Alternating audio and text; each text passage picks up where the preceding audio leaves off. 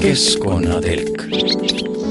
telki aitavad püstitada Keskkonnainvesteeringute Keskus ja Ökokratt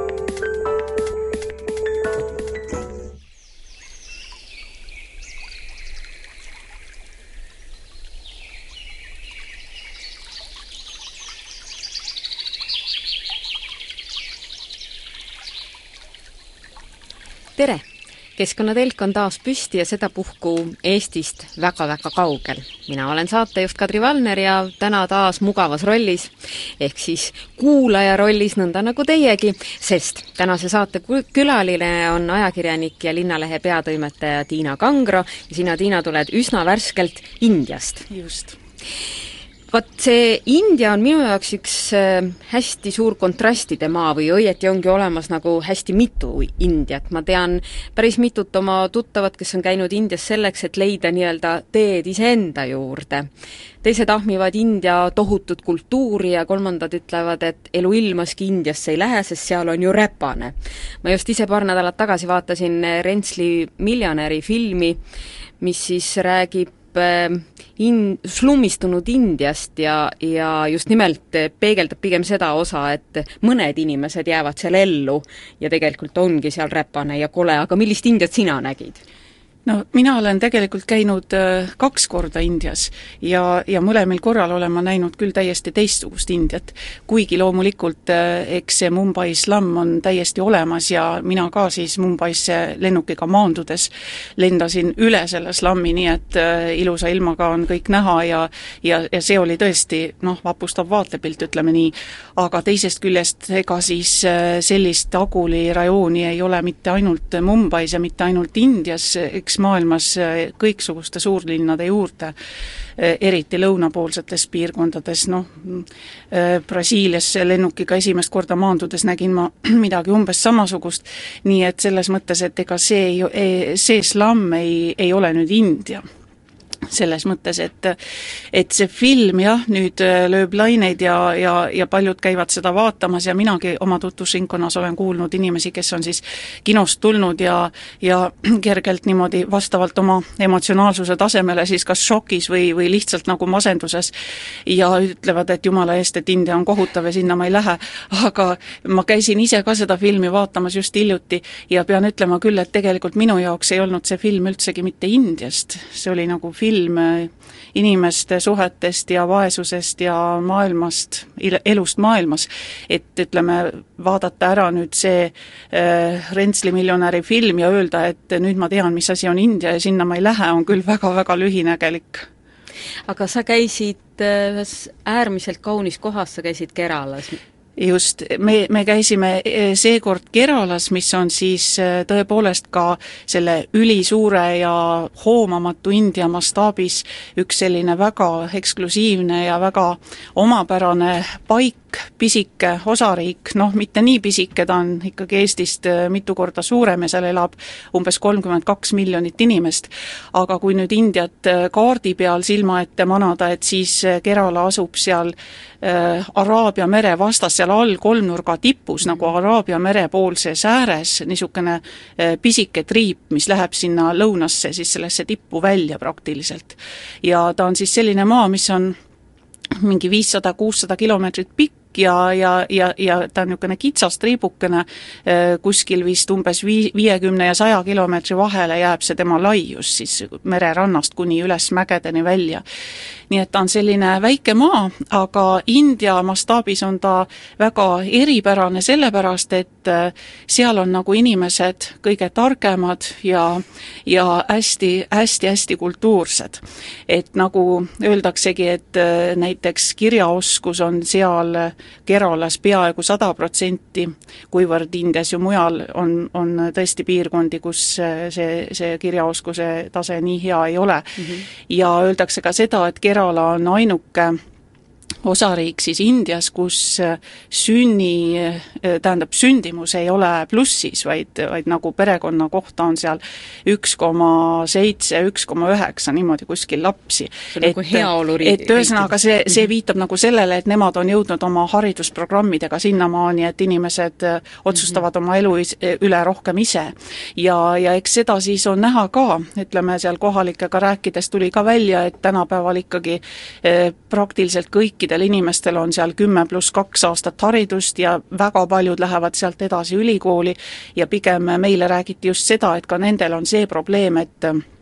inimesed lähevad oma ülikooliharidusega nagu natuke liiale mm, -hmm. et nad ei saa pidama, noh see on, see on ilmselt niisugune globaalne trend ja meilgi on ju see, et kõik inimesed jumala eest ülikooli ja parem kui mitu korda järjest. ja, ja seal tuli samuti välja, et, et nagu nad ise olid üsna iroonilised, et, et asi on läinud selleni, et et niisugused nooremad inimesed noh, et nad õpivad ühe korra ja siis nad lähevad veel teist kraadi tegema, et noh, et, et, et see ei ole ka nagu võib-olla päris õige, et, et nüüd niimoodi nagu lõpmatuseni muudkui kraade teha mm. -hmm ja mobiilimaksed, ma tean, et ma enne, me ennem rääkisime, et see, mis, ma ei tea, kui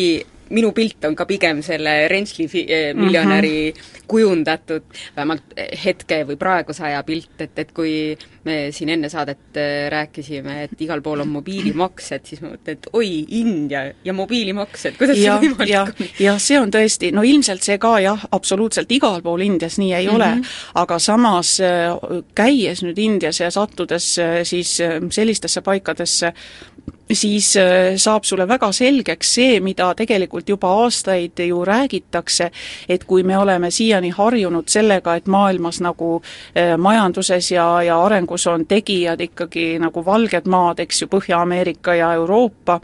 aga et äh, noh, on ju räägitud juba aastaid, et kohe-kohe, eks ju, tulevad Brasiilia, Hiina, India ja lähevad kolinaga meist ette. Mm, -hmm ja nii edasi. ja võib-olla siin äh, valge maailma äärekese peal istudes nagu ei kujuta seda ette, sest eks siin, eriti siin Eestis, kus meil see enesehinnang on ikka meeletult kõrge ja ja tekib tunne, et me siin oma pisikese mätta otsas istudes oleme ka ikka kohutavad tegijad, et kui sa lähed sellisesse riiki ja hulgud seal ringi, kus on äh, üks koma kaks või üks koma neli miljardit inimest, eks ju, ja kus äh, tõepoolest elu toimub absoluutselt teistmoodi juba tänu sellele kliimale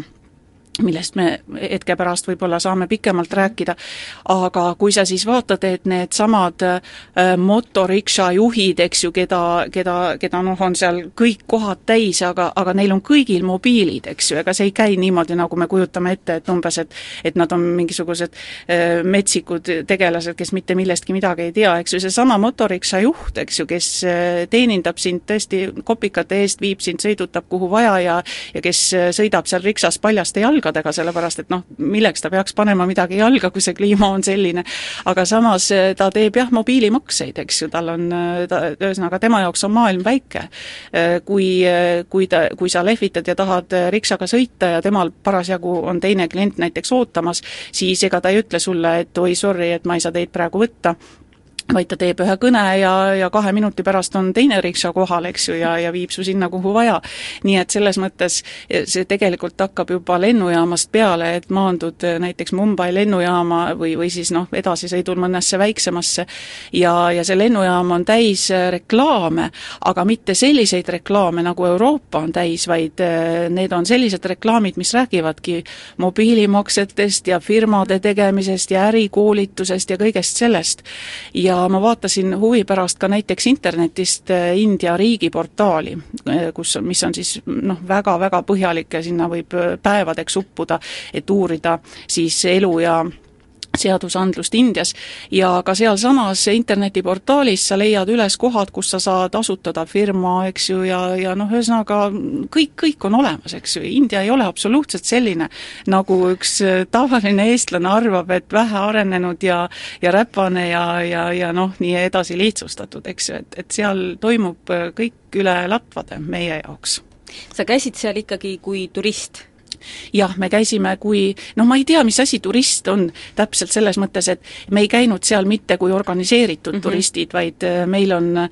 noh, kuna me oleme juba aastatepikku sellised äh, kaugetel maadel rändajad ja rändame seal perega ja lastega, ja, ja meil on nagu enamasti kombeks niimoodi, et me läheme sinna, aga seal kohapeal me oleme lihtsalt sellised äh, suurte silmadega huvitatud vaatlejad ja osalejad, et me ei ole nagu need turistid, kes lasevad ennast siis äh, sõidutada ringi korrektsetesse kohtadesse, kus mitte midagi ei juhtu ja, ja, ja,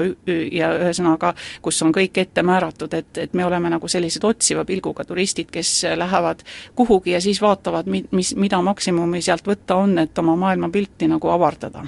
mul on just äh, üks tuttav, kes ütleb, et tema jaoks on olemas kahe, äh, kahesuguseid reise, et ühed on seljakotireisid ja teised on kohvrireisid, et Keralasse tasub minna seljakotireisile? tegelikult tasub minna seljakotireisile juhul, kui sul ei ole kaasas äh, lapsi, kes, kellega noh, päris seljakoti ja telgireis võib-olla ei ole parim variant. et selles mõttes tegelikult ei ole vahet, et võib ka minna kohvriga mm. -hmm. aga, aga, aga nagu vahe on seal mõtlemise koha peal, et et noh, üks võimalus, kuidas ma saan aru, et Eestis on äh, tänapäeval populaarne enamike jaoks reisida, see on see, et sa ostad mingisuguse paketi ja siis äh, sa võid nagu ajud jätta koju ja võtta kaasa tõesti oma suure kohvri ja see kohver ka veetakse sulle kohale täpselt sinna siis, kuhu on ette määratud, et sa pead sattuma.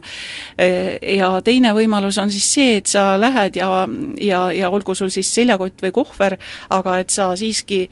tunned seal kohapeal ennast vabalt äh, nagu ringi liikuma ja, ja otsima seda tõelist, äh, mis kuulub selle maa juurde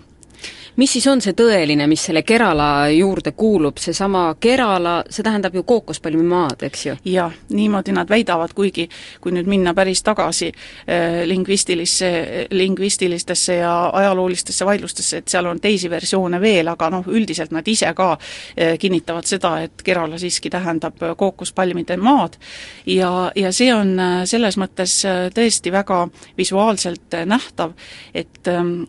ühest küljest nagu kookospalm on äh, loomulik äh, looduse osa olnud siis iidsetest aegadest selles piirkonnas, aga kuna kookospalm on nendel ka siis äh, selline raha teenimise viis, sellepärast et kookospalmist saab ühte, teist ja kolmandat teha, siis tegelikult nad on äh, terve selle maa äh, mägedeni välja, äh, madalate mereäärsete paikadeni välja istutanud täis kookospalme, siis ühesõnaga niimoodi, et nad on mm. vahetanud välja nagu selle algupärase looduse ka, kui seal kookospalme ei olnud, siiski kookospalmide vastu. ja, ja see on tõesti niimoodi, et kui noh, praegugi, kui meenutan, siis silma ees ees äh,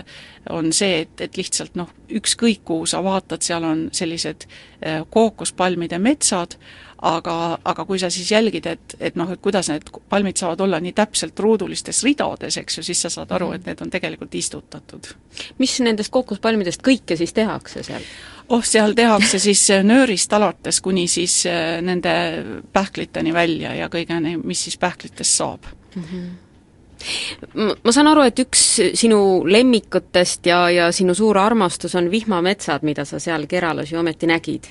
jah, seal Keralas noh, ütleme nii, et eh, kes nüüd otsib vihmametsa, siis võib-olla India ja Kerala ei ole päris eh, see esimene koht, kuhu minna, et siis eh, tasub võib-olla pöörata pilk näiteks Amazonase poole, kus yeah. me oleme ka paaril aastal käinud äh, ringi hulpimas. ja, ja muidugi India laiuskraadi järgi seal ekvaatori ääres on täpselt see paik, kus need vihmametsad peaksid olema, ainult et järel on neid suhteliselt vähe. Noh, kes otsib, see leiab ja meie -hmm. siiski leidsime, me sõitsime üles mägedesse ja veetsime siis mõned päevad päevad sellises noh, täiesti tõelises vihmametsas.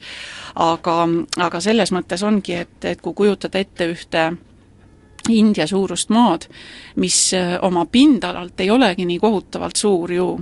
aga kus on siis äh, erinevatel andmetel üks koma kaks kuni üks koma neli miljard, äh, miljardit inimest mm, -hmm. eks ju, siis,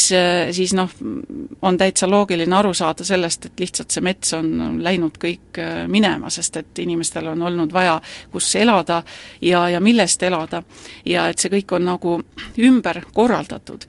et äh, selles mõttes, et võib-olla kunagi ammu äh, nägi see paikkond täiesti teistsugune välja, aga praegu ta siis paraku ongi kookospalme täis nii-öelda. Ja hästi vahva noh, niisugune väike avastus oligi meil see, kui me sõitsime mõned päevad niisuguse majapaadiga, vot seal Keralas on hästi populaarsed need suured majapaadid ja. siis, milles saab siis elada. Ja neid siis ka huvilistele renditakse välja et äh, saad siis vastavalt oma pere suurusele siis oma selle houseboat'i või majapaadi ja siis sa võid seal vastavalt äh, paar päeva või, või ka rohkem sellega ringi sõita ja, ja noh, muidugi hindud on kaasas, kes siis seda paati juhivad ja süüa pakuvad seal ja hoolitsevad sinu eest aga meie siis sõitsime ka sellises äh, paikkonnas, kus äh, mitu suurt jõge nagu tulevad kokku sinna mere äärde ja seal on siis niisugune jõestik, eks ju, mitte delta, aga lihtsalt erinevate jõgede ja kanalite süsteem, mis siis viib mereni välja. ja meie siis seal äh, mõne päeva sõitsime ringi ja esimesel päeval, kui me hommikul läksime paati, siis tundus kõik nagu selline hästi roheline ja, ja tõesti need kookospalmid olid eh, igal pool ja vaatasime, et no näed, et mereni välja kookospalme kõik täis, et täitsa huvitav. ja siis eh, hiljem eh, me saime aru, et tegelikult need on kõik need alad, kus algselt on ju kasvanud mangroovimets mm.. et ütleme, noh, me oleme teistes maailma paikades, noh näiteks Venezuelas seal Orinoco jõe deltas ja sealkandis oleme eh, käinud ka sellistel paadisõitudel, kus tõeliselt noh, sa sõidad siis mööda mangroovimetsa, mis on noh, väga-väga omapärane elamus. aga saime siis Indias äkitselt aru, et eh, siin tegelikult peaks nagu looduse järgi olema mangroovimets, aga see lihtsalt on äh, kõik välja juuritud ja sinna asemele on istutatud kookospalmid. Ja, ja seetõttu noh, inimene on lihtsalt muutnud maailma, eks ju, ega, ega noh, võib ka olla selline jõgede süsteem äh, koos kookospalmidega, aga siis, kui sa jälle noh, kujutad ette, olles näinud neid mangroovimetsu mujal, et, et kuidasmoodi see tegelikult peaks siin välja nägema, siis tekibki küsimus, et et noh, vaata, mida inimene saab teha, eks ju. ja, ja lõpptulemusena jälle noh, võib ju alati küsida, kas see on hea või halb või on see nüüd kuritegevus, eks ju, või, või, või võib ka niimoodi vaadata maailma, et lihtsalt, et inimesed äh, kujundavad maailma natuke teiseks ja siis see maailm läheb edasi sellisena, nagu ta koos inimestega on veel äh, seal majapaadiga sõites äh, teine elamus tuli meile siis õhtul, kui pimedaks läks. kui me hakkasime siis sättima seal, noh, ankur visati vette ja jäime siis nagu ööseks peatuma ühte suvalisse kohta, hakkasime magama sättima ja siis samal ajal läks pimedaks ja, ja mis siis äh, juhtus pimeduses, oli see, et äkitselt enam ei olnudki see mitte kookospalmide mets, vaid see oli nagu asust-, nagu, nagu linn või midagi, sellepärast et tuled pandi põlema ja siis selgus, et päeval me nägime, et oli roheline kookospalmi mets, me sõitsime nagu enam-vähem arvates, et me oleme looduses. ja siis, kui õhtul läksid tuled põlema, ja noh, siis pandi, eks ju, diskod peale ja hakkas nagu õhtune elu, vist reede õhtu juhtus ka olema parasjagu see päev, siis me saime aru, et, et vaat see on nüüd see üks koma kaks või neli miljardit, et ühesõnaga lihtsalt sellel maal ei ole ühtegi paika, kus ei ole iga meetri peal inimesi, et nad lihtsalt igal pool elavad no muidugi see on jälle nii, et eks on paiku, kus on äh, see asustus seal ka hõredam. Ja, ja kui me sealsamas Keralaski, kui me käisime siis mägedes üleval otsimas seda vihmametsa ja seda ka leidsime, siis äh, noh, seal ei olnud ikka iga põõsa taga mõne inimese äh, kodu. aga ranniku ääres loomulikult. Ja nüüd, kui vaatasime hiljem internetist järgi selle asustustiheduse, siis tõepoolest, et Keralas on siis, Kerala ongi üks India kõige tihedamini asustatud äh, ala, seal on äh, üle kaheksasaja inimese äh, ruutkilomeetri kohta. Eestis muuseas on kakskümmend üheksa ja Indias keskmiselt on kolmsada viiskümmend ühe ruutkilomeetri peale, Keralas siis üle kaheksasaja. nii et noh, see põhjendab ka seda, et tõepoolest, et, et kui nagu päike ära läheb ja tuled põlema pannakse, et siis selgub, et, et noh, see kõik elab, see kõik, kõik, kõik on inimesi täis lihtsalt. aga nad on siis pigem sellised nagu paiksed, et ei, liiguvad pigem nende paatmajadega või et ei ole tohutut autoteid, ei ole tohutuid prügimägesid, ja, ja, ja nii edasi, et prügimägesid seal äh, tõesti ei olnud ja ja kui ma nüüd mõtlen seda, et on maailmas nähtud ka paiku, kus tõesti need sinised äh, kilekotid, eks ju, ja, ja, ja, ja kokapudelid on absoluutselt igal pool, siis Indias noh, Keralas konkreetselt neid, neid ei olnud, noh muidugi, kui kui slamm on kuskil prügimäe ääres, noh siis, siis prügimäele on alati, tasub minna meie prügimäele ja seal on ka prahti küllaga, eks ju. aga Keralas nagu tänavapildis oli prahti päris mõõdukalt, selles mõttes, et, et noh, minu, minu silma järgi nagu neis paigus, kus meie liikusime, ei olnud äh, Keralas äh, neid vedelevaid plastikpudeleid mitte teps rohkem kui näiteks Lätis, kus me käisime paar nädalat tagasi kanuumatkal ja kus roheline veel ei olnud väljas ja, ja, ja siis mööda jõge sõites äh, vaatasime, et pudeleid vedeleb igal pool, sest Lätis ei ole seda pandisüsteemi, eks ju, pole, pole stiimulit poodi tagasi viia pudelit. aga see tähendab siis seda ka, et nad seal Keralas elavad nagu natukene looduslähedasemalt või et jah, vot siit, siit tekibki, tekkiski meil veel üks selline järeldus, et vot äh, alati nagu võrreldakse seda äh, GDP-d, eks ju, seda mm, ühiskonna koguprodukti ja siis äh, ühe inimese kohta nagu seda tulubaasi aastas ja nii edasi. aga aga sellise maa puhul nagu India, kus loomulikult Eestiga võrreldes on ka see ühiskondlik koguprodukt ju kordi väiksem ja nii edasi, aga kui panna sinna juurde see, et nendel ei ole vaja näiteks kütta majasid, eks ju. Mm, -hmm kui meil ei oleks küttearveid ja kõike seda, kui me ei peaks oma maju soojustama, panema viis kihti ümber, enne kui sa ilma hambaid lõgistamata saad talvel toas istuda, eks ju, siis ma arvan, et me saaksime palju väiksema rahaga hakkama. ja täpselt see on ka nendel. et ütleme, elades Indias, sul ei ole selliseid vajadusi. ja, ja nende elustiil ja mõtlemine ja, ja kõik see, noh, mis tuleneb loomulikult sellest loodusest ja, ja ajaloost, on ka absoluutselt teistsugune, et loomulikult, eks kuskil suurlinnades kindlasti elab inimesi, kes suplevad luksuses ja kellel on võib-olla villad, eks ju, kus on sada tuba, mida neil tegelikult vaja ei ole. aga sellises rahulikumas maapaigas, kus meie liikusime, seal on ju inimestel ülivähe vaja selleks, et elada ja ütleme näiteks noh, me ei käinud suurlinnades, sest et me ei armasta suurlinnu lihtsalt. ja, ja seal rannikul nagu maapiirkonnas, kus meie liikusime, sinna nagu lähim linn, mis, mis, mis meile jäi, kus me siis käisime turul ja ja, ja noh, niimoodi lihtsalt ilma vaatamas mõned korrad, et see oli üks kahesaja tuhande elanikuga linn. aga tegelikult kui, kui ma ei, kui ma ei oleks uurinud, et mitu inimest siin elab ja oleks mulle öeldud, et noh, paku oma kogemuse järgi, et kui palju selles linnakeses võiks elanikke olla mm., siis noh, minu jaoks oli ta midagi sellist, sellist Rapla või, või Aegviidu sarnast, eks ju, et ma oleks pakkunud mingisugune viiskümmend tuhat või, või kolmkümmend tuhat. et lihtsalt nemad elavad hoopis teisiti, aga, aga see on ka väga arusaadav, et noh, sellises kliimas ja, ja sellise, sellises paigas, no sul ei ole vaja elada nii, nagu, nagu meie siin tahame elada. mis tegelikult on väga raiskav eluviis me räägime kohe edasi, aga kuulame natukene ka India muusikat ja siis ehk jõuame ka taas vihmametsadeni.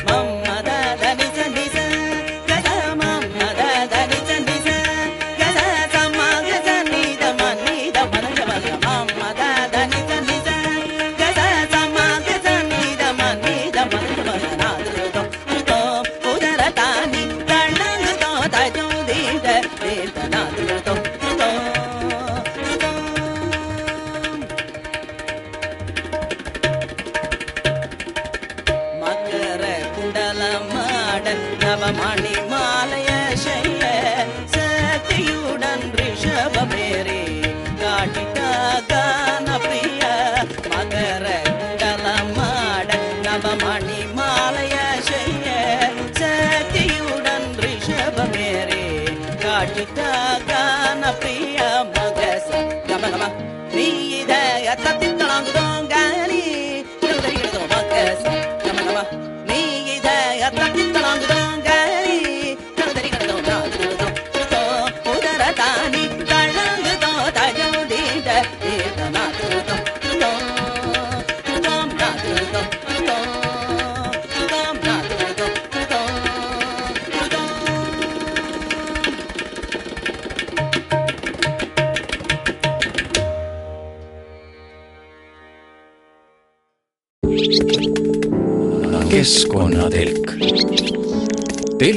aitavad püstitada Keskkonnainvesteeringute Keskus ja Ökokratt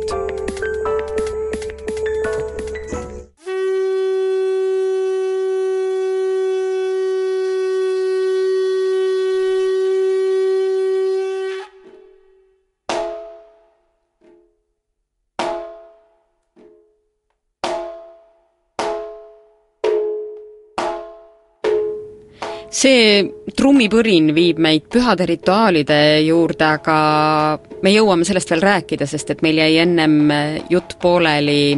vihmametsade juures, sa ütlesid, et eh, olid vihmametsades mõned päevad, kuidas, kuidas saab Indias esiteks vihmametsa minna, kas sul oli kompass kaasas või teejuht ja, ja, ja kuidas jah, et kuidas seal on mm. -hmm. tark on ikka alati vihmametsa võtta kaasa teejuht, sellepärast et, et noh, ega see ei pruugi nii hästi lõppeda, kui sa päris ise sinna lähed, sest noh, kuhu sa lähed või kuidas sa pärast tagasi sealt mm -hmm. tuled, eks ju. niimoodi, et noh, me oleme käinud vihmametsades siis nii Lõuna-Ameerikas mitmel pool ja ja nüüd siis Indias ja iga kord ikkagi on see läinud niimoodi, et me oleme nagu saanud mingi kohaliku teejuhi. Et äh, kui sa siis natuke ajad asja, siis ikka keegi teab sulle soovitada kedagi, kes, äh, kes noh, need on enamasti siis kohalikud inimesed, Indias ka samamoodi, et me sõitsime siis üles mägedesse ja siis seal noh, oli kellegi kaudu, kes siis aitas meil kokku leppida, üks kohalik külamees, kes seal elas, aga kes siis, noh, see oli rahvuspargi ala ka muidugi, aga no ütleme, nendel need rahvuspargi asjad ei ole nii väga veel välja arenenud, kuigi nad tegelevad nende arendamisega. Et ühesõnaga siis kohalik külamees, kes muuhulgas äh, soovijatele tegi ka selliseid äh, vihmametsa reise siis või, või noh, rännakuid, ütleme õigemini, et tema siis oli meil kaasas ja, ja, ja see kaasas olemine oli vajalik noh, lisaks äraeksimisele, äh, äraeksimise välistamisele ka sellepärast, et, et noh, näiteks seal konkreetses rahvuspargi äh, sellel alal olid ka metsikud elevandid, et, et ütleme siis seal metsas elas üks neljateistliikmeline metsikute elevantide kari. Aga keda meil ei õnnestunud noh, kahjuks või siis ütleme, selle meie ekskursioonijuhi meelest õnneks eh, kohata, sellepärast et noh, tema oli nagu suhteliselt hirmunud sellest ideest, sest eh, me paari koha peal nagu nägime värskeid elevandijunne et see on juba lõhnast tunda tükk maad eemal. ja, ja mis siis viitab sellele, et nad on hiljuti siin käinud, eks ju, ja nad olid seal püherdanud mingisuguse eh, džungli nurgakese maha, kas siis seal maganud või, või mida iganes ja, ja niimoodi, et noh, nagu selline variant oli, et me neid kuskil kohtame ja mina muidugi fotoaparaat pikal unistasin sellest hetkest, kui me neid näeksime kuskil noh, ütleme mitte päris viie meetri pealt, aga kuskilt kaugemalt. aga läks niimoodi, et me neid siiski oma ihusilmaga ei näinud. aga see, et nad seal liiguvad, see oli, oli kohe päris kindel, sellepärast et, et kõik märgid selle kohta olid olemas. aga, aga siis ütleme, sellised retked on hästi vahvad sellepärast, et esiteks sa saad siis selle inimesega rääkida, noh, Indias on, on mõnes mõttes see ju hästi lihtne, sest endise Briti asumaana nad ju kõik inglise keelega on äh, nagu hästi sinasõbrad. aga teisest küljest see nende inglise keel on muidugi ausalt öelda selline, et, et vahel ei saa arugi. Nemad õnneks äh, meist said väga hästi aru, nii et inglise keel nendele äh, jõuab hästi kohale ja siis, kui sa harjutad, siis sa hakkad ka aru saama, mida nemad räägivad, nii et, et suhtlemine oli täiesti võimalik ja, ja sellega koos siis käisidki sellised toredad nüansid, et noh, näiteks seesama äh, mees, siis noormees, kes meid siis seal džunglis ringi juhatas, et tema siis äh, pakkus meile näiteks ühel õhtul enda kodus siis õhtusööki, täpselt nii, nagu see siis äh, selles piirkonnas ja Indias välja näeb, et tema naine, tal oli naine ja üks selline nelja-viieaastane äh, poeg äh,, Äh, naine oli tal tööl siis äh, seal rahvuspargi väravas, nii et pärast, kui me väljusime, siis me pidime maksma vist äh, üks kroon seitsekümmend viis senti igaüks, nagu see, mis oli see fee siis, ehk see tasu siis seal rahvuspargis käimise eest. aga et siis nende kodus saime me siis ühe toreda õhtusöögi ja see õhtusöök oli siis tapioka puder, tapioka on selline kartulilaadne juurikas, millest nad siis pressivad niisugust noh, päris kartulipudru moodi asja. ja sinna juurde siis kuulusid ise kodus suure purgi sisse pandud marineeritud mangod, niisugused tuli, tuli, tuli vürtsikad. ja, ja siis tavaline vesi lihtsalt joogiks seda kõike siis äh, süüakse näppudega, äh, nendel olid äh, ka taldrikud, mõnes teises kohas pakuti meile siis nii, nagu klassikaliselt on, on sealkandis kombeks, et banaanilehe pealt, aga näppudega. aga siis, siis nendel olid niisugused plastmassist taldrikud ka, nii et, et saime siis näppudega taldriku pealt süüa nende putru, mis oli väga maitsev. ja, ja, ja samas noh, vot siit nüüd jällegi in-, Eesti inimesed, kes tulevad Indiast ja on veendunud, et sealt saab ainult kõhulahtisust ja ma ei tea, mis asja. no ma ei tea, meie olime kahe lapsega, eks ju, me sõime nii banaanilehtede pealt kui kui, kui, kui näppudega, eks ju, pisikeses palmilehe alla ehitatud väikses perekonnaelamus, eks ju, kus oligi ainult üks tuba ja, ja suur troopiline lilleaed selle ümber, eks ju. nii et, et noh, loomulikult sinna ette käib käte pesemine, eks ju, loomulikult nad ise pesevad kogu aeg käsi, eks ju, ja, ja, ja noh, vesi voolab ja võimalused selleks on olemas nii et selles mõttes äh, nagu selline noh, mm, väga ehe kogemus India vihmametsast. Aga millised need kodud ikkagi välja näevad, sa ütlesid, et üks tuba ja, ja, ja suur aed, aga jah, need kodud näevad välja just nimelt sellised, et seal on olemas kõik hädavajalik selleks, et mõnusalt elada, aga mitte midagi enamat. Äh, noh, nende kliimas ei ole näiteks vaja, et oleks akna ees klaas, eks ju, akna, aken on lihtsalt selline noh, auk maja seinas et äh, huvitaval kombel nad ütlesid, et sealkandis ei ole ka, ma ei tea, võib-olla kõrgusest tuleb see, et neil ei ole ka sääski, mida karta mm. -hmm. selles mõttes, et noh, muidu põhimõtteliselt võiks ju kart-, karta malaariat, aga seal neid ei olnud. ja nad ütlesid ka, et madusid sealkandis eriti palju ringi ei rända niimoodi, et selles mõttes ei ole neil ka vaja nagu ööseks äh, eriti ennast kaitsta millegi eest. ja tegelikult üks elamine ongi siis selline, et äh,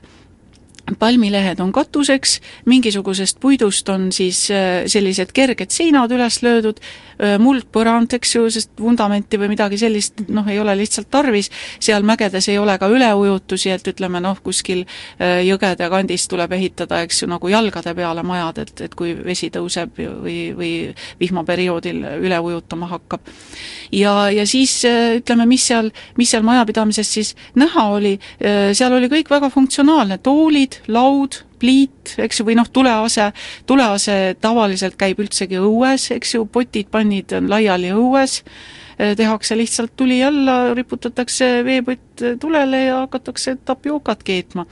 nii et selles mõttes noh, seal majapidamises oli ka üks äh, raadio, Philipsi transistorraadio siis, kust nad kuulasid uudiseid, eh, mõnes majapidamises on ka telekas, eks ju, sest ikka peab vaatama, mis ilmas toimub ja aga noh, voodi kõik, mitte midagi muud. Selles mõttes, et noh, nemad elavad sääraselt, sellepärast et neil lihtsalt, neil ei ole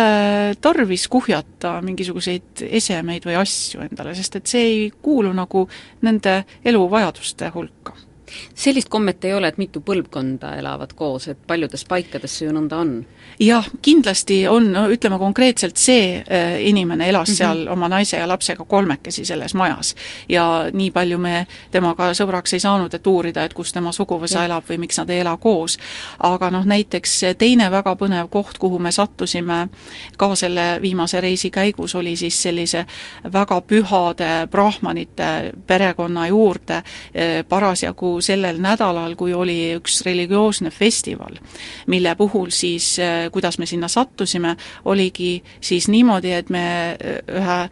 ütleme, oma selles põhilises ööbimiskohas äh, tegutsenud joogatreeneri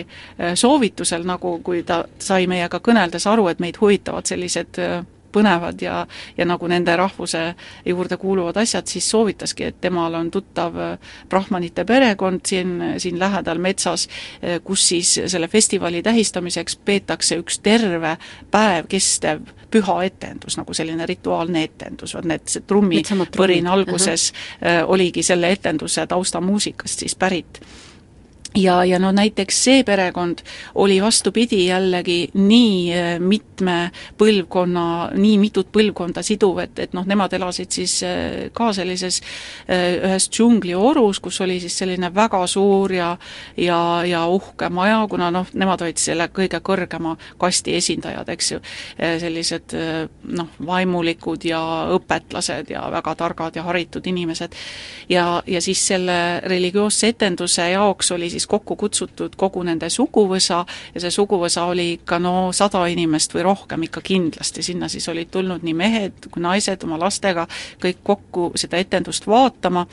Ja etendus siis kestis hommikust hilisööni välja, selle jaoks olid kohale toodud spetsiaalsed näitlejad, aga sellised etendused siis tegelikult tähendavad seda, et need näitlejad nagu juhivad seda show'd, aga kõik need pühad mehed siis, mehed just, naised nagu ei olnud osalised, kõik kõik kõige tähtsamad selle suguvõsa pühad mehed siis olid ka nagu osalised selles etenduses, et nad olid siis vastavalt kostümeeritud ja värvitud ja kaunistatud ja siis äh, tegid siis kaasa nagu kogu seda rituaali seal äh, terve selle päeva jooksul, siis selle, selle trummimuusika saatel, spetsiaalne neli äh, meest siis olid nagu see ansambel, kes siis seda kõike, seda asja saatis.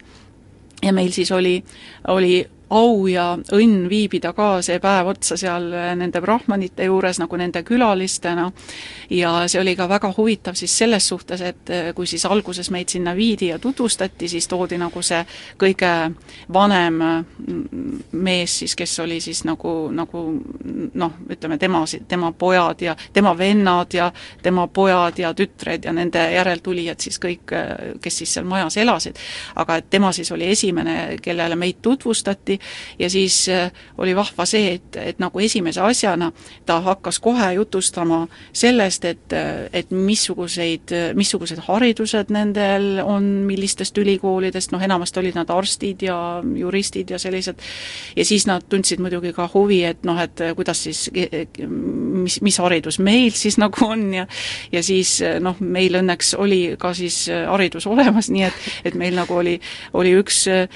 doktorikraadiga molekulaarbioloog ja siis minu näol ka mitme kõrgharidusega inimene ja ajalehe peatoimetaja, siis nagu noh, see nagu oli nagu, nagu väga-väga suur rõõm neile, et nad kohtusid siis vääriliste inimestega ja siis selgus, et nende suguvõsas ka oli mitmeid arste, konkreetselt siis nende selle Ajurveda liini pealt nagu ja siis me, meil oli jututeemasid väga palju ja, ja nad olid nagu väga väga noh, rõõmsad ja positiivsed, et, et, et me neile külla sattusime ja siis äh, seal siis äh, kaeti ka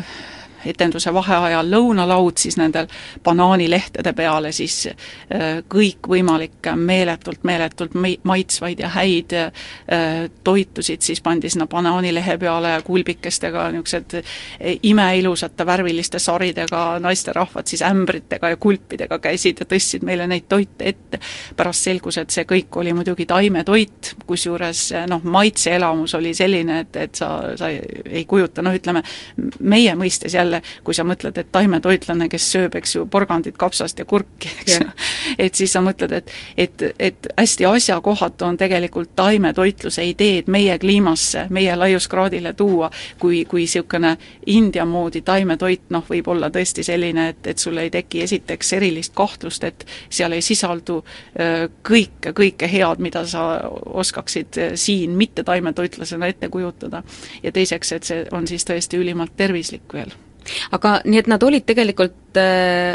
väga külalislahked ja võtsid meelepäraselt endale külalised vastu kaugelt väga, vot, vot siin ongi üks äh, selline tähelepanuväärne asi, mis käib kaasas äh, ilmselt äh, väga paljude lõunapoolsete rahvastega, aga Indias on see külalislahkus ja see selline avatud olek ikka, ikka meeletult tähelepanuväärne. ja siin ma jutustaks veel ühe loo, mis, mis on minu, minu meelest noh, oli hästi oluline leid, et kuna me seal siis liikusime sellistes metsikutes paikades, kus turistid tegelikult ei satu ringi, siis näiteks äh,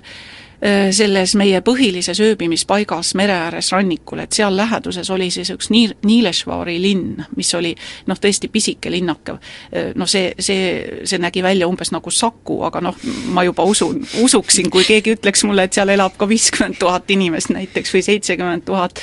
ja, ja siis, kuna oli parasjagu see religioosne festivalide nädal, siis me paaril õhtul käisime ka selles Nileshvaris siis templis toimuvatel sellistel üritustel.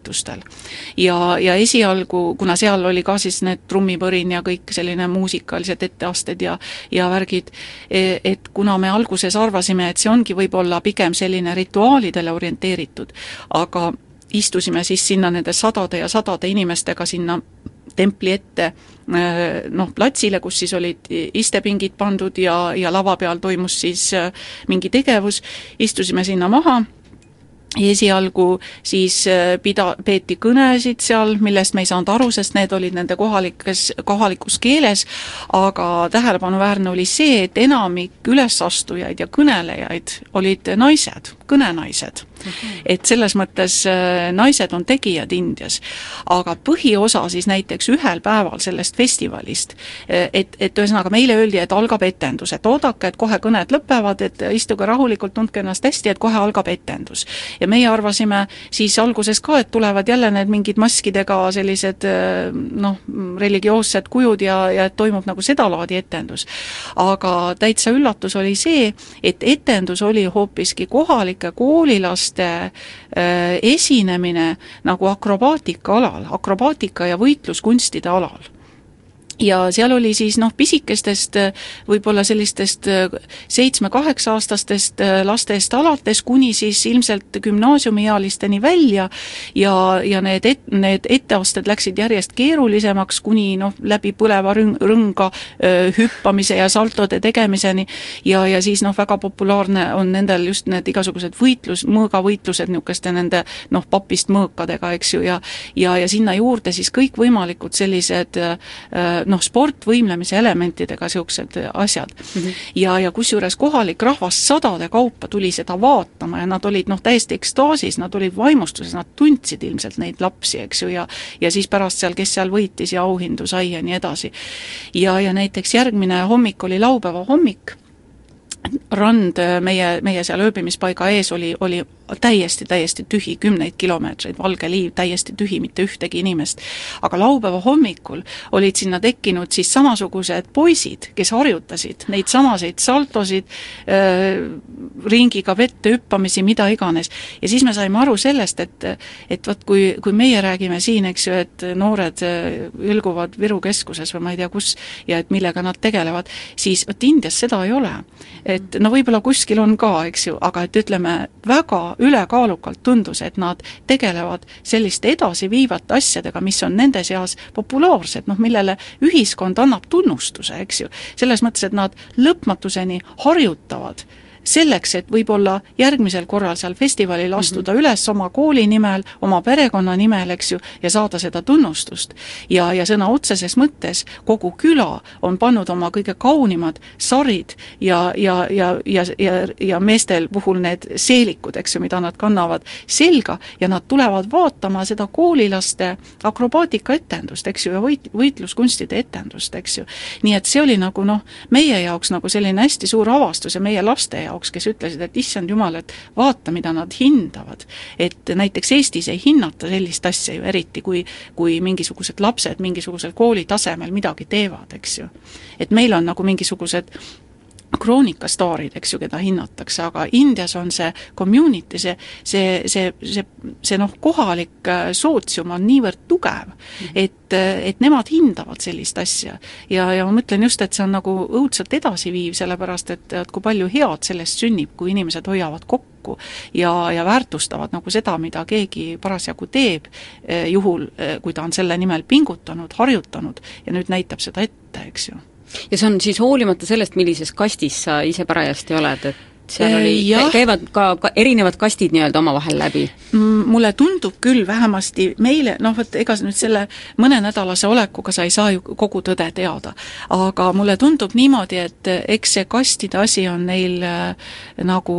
noh, nad püüavad nagu sellest saada üle ja osaliselt nad on saanud, osaliselt muidugi mitte, sest ütleme seal püha perekonna juures, seal suurel religioossel etendusel, seal oli niimoodi, et nende perekond siis need rohkem kui sada inimest istusid seal all ametlikult platsi peal ja vaatasid etendust, aga nagu madalamate kastide kohalikele inimestele oli siis reserveeritud mäenõlv kuhu siis võisid mm -hmm. nemad tulla, aga, aga mitte ka edasi sealt.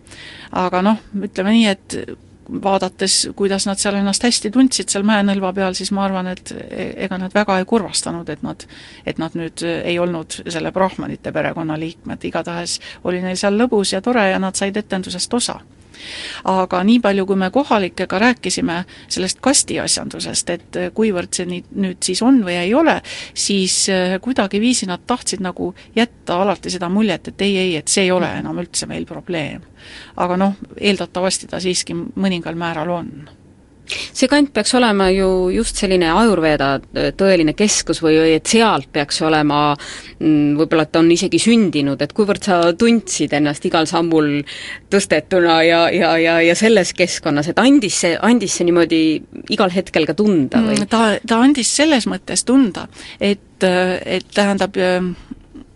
sealkandis, kui me sõitsime ringi, siis iga natukese aja tagant olid sellised meeletult suured aiandid nagu. aia, aed oli ees ja sealt taga siis oli näha, kuidas triipudena olid mitmesugused taimed, me küsisime algul, et mis asjad need on, selgus, et see on ajurveeda aiand, et seal me kasvatame ajurveeda ravimite jaoks siis vastavalt neid taimi. ja vot sealsamas püha perekonna juures, kus me etendusel käisime, seal siis üks perepoegadest oli Kaasis Ajurveda arst. ja temaga me jäime ka jutlema pikemalt ja siis ta järgmisel päeval kutsus meid veel sinna linnakesse, vot sinna kahesaja tuhande inimesega linnakesse, oma polikliinikusse külla. ja, ja me siis huviga läksimegi ja sest ikka vaja enda haigused ja asjad ka lasta üle vaadata ja läksimegi siis sinna ja kusjuures noh, tegemist oli nagu väga püha ja väga rikka ja väga targa inimesega, kes siis oli tunnustatud arst ja läksime siis tema polikliinikusse. võtsime rikša, lasime siis ette sõita sinna, olime valmistatud, et noh, astume sisse, siis selgus, et see polikliinik oli tänava ääres, äh, niisugune eest avatud umbes äh, kolm meetrit äh, lai kardin oli ees veel siis, kui lahti oli, polikliinik tõmmati kardin eest ära ja seal taga siis oli, äh, ees oli nagu apteek, kus siis müüdi neid äh, ravimeid, seal istus siis kaks poissi, kes neid müüsid nagu noh, nagu apteek või nii. ja siis kardinaga eraldatud, seal taga oli selline kaks korda kolm meetrit, mis oli siis see arsti töötuba. seal oli siis üks košett, kuhu sai vajaduse korral inimese pikali panna, laud ja tool. ja laua all siis oli laptopi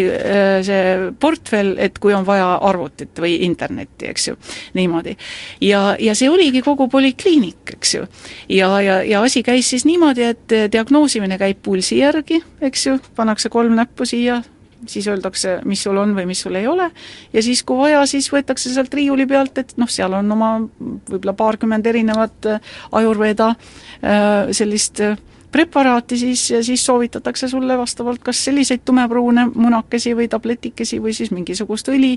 mida sa siis pead tilgutama pähe või kuhu vaja parasjagu ja nii edasi, nii et, et vot see oli jälle üks näide sellest, kui lihtne on tegelikult elu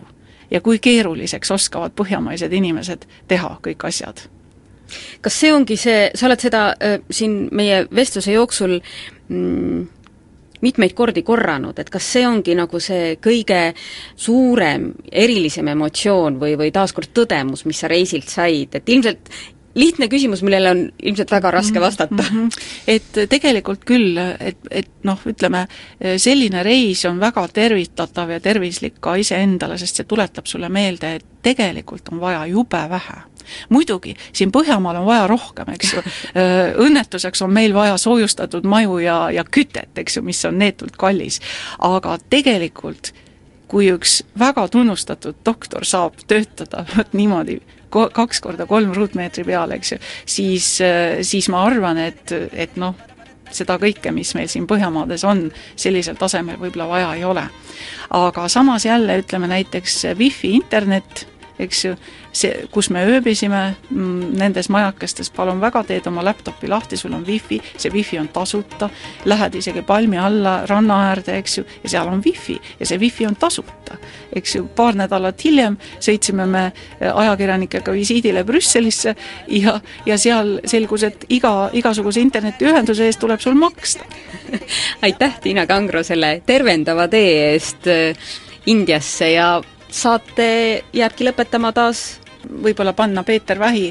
sest äh, ma just siia saatesse tulekuks äh, läksin oma hea tuttava helilooja Peeter Vähi juurde, kes on ju idamaade muusikaga väga tugevalt äh, tegelenud ja selle huviline, ja ta andis mulle kaasa ühe plaadi, kus tema mängib siis koos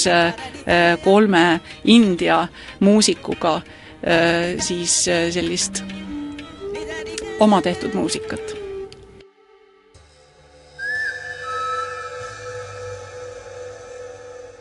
うん